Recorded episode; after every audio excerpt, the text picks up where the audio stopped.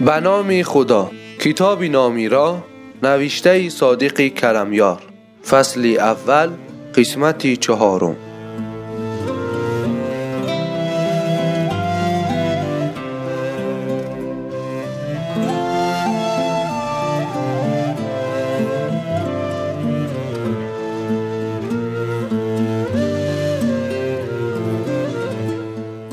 امی ربی در بازار کوچک و گرمی بنی کلب لابلای مردم به هدف پرسم زد و تماشا می‌کرد.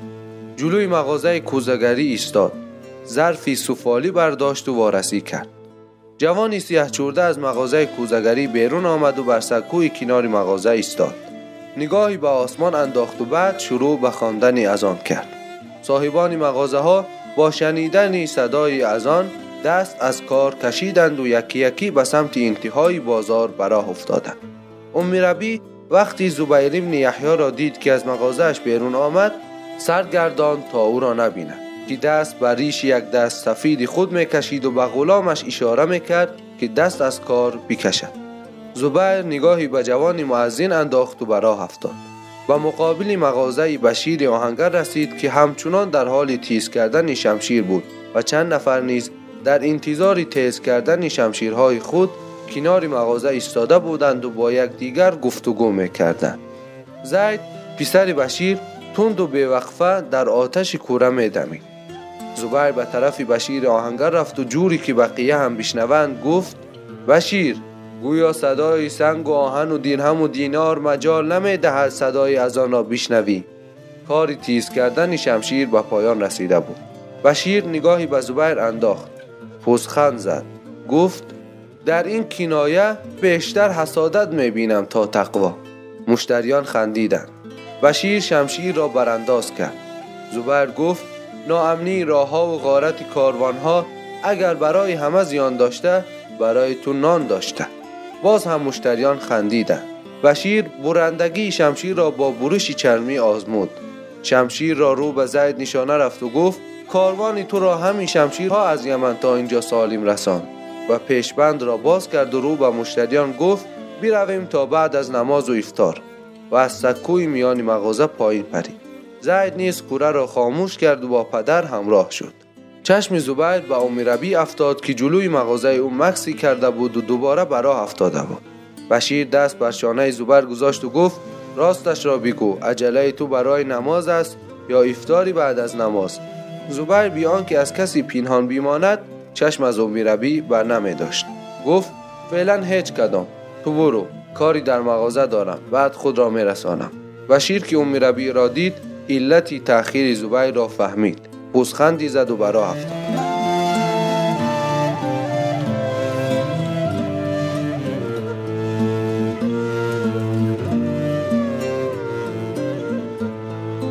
زبیر بازگشت. امی ربی او را دید.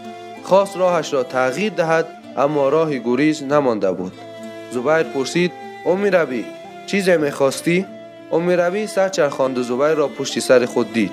گفت می‌خواستم اما وقتی نماز است. و خواست به راه بیفتد که زبیر راه او را بست و گفت امی ربی هنوز تصمیم خود را نگرفته ای؟ من تصمیم خود را وقتی گرفتم که زنان را به خانه هم فرستاده بودی. زبیر گفت دخترانت را به خانه شوهر فرستاده ای. پسرت هم مردی شده و تو قول می دهم برای او هم خودم همسری مناسب پیدا کنم. حالا وقتی آن نیست که به خودت بیاندیشی امی ربی گفت تو واقعا نگرانی من هستی؟ زبیر گفت در تمام بنی کلب دلسوزتر از من نسبت به خودت پیدا نخواهی کرد. جز این است که به سلیمان اعتماد کردی تمام اموال خود را به او سپردی تا به نام تجارت همه را با خود ببرد و دیگر هیچ نشانی از او پیدا نکنی؟ از این پس با مستمری سالیانه بیت المال چگونه می‌خواهی سر کنی که شش ماهی تو را هم کفاف نمی‌دهد؟ اما در خانه من هر چی بخواهی برایت مهیاست. امی ربی گفت من به قناعت عادت کردم و براه افتاد. زبیر این بار با خشم او را صدا زد. امی ربی از این پس انتظار نداشته باش که از تو پسرت حمایت کنم.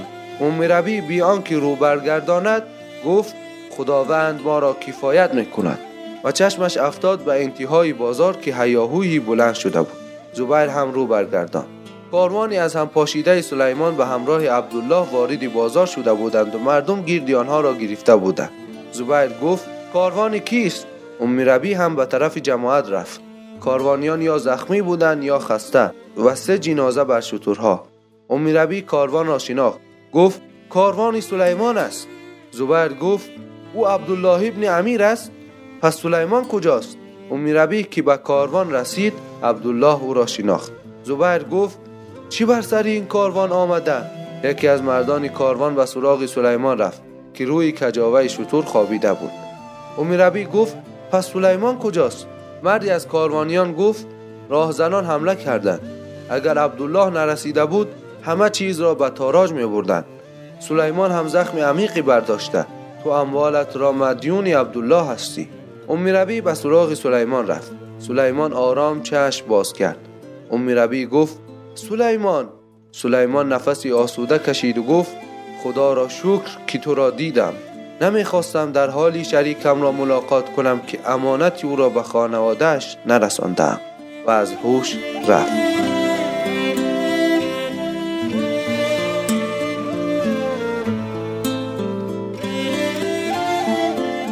تا قسمتی بعدی خدا نگهدار.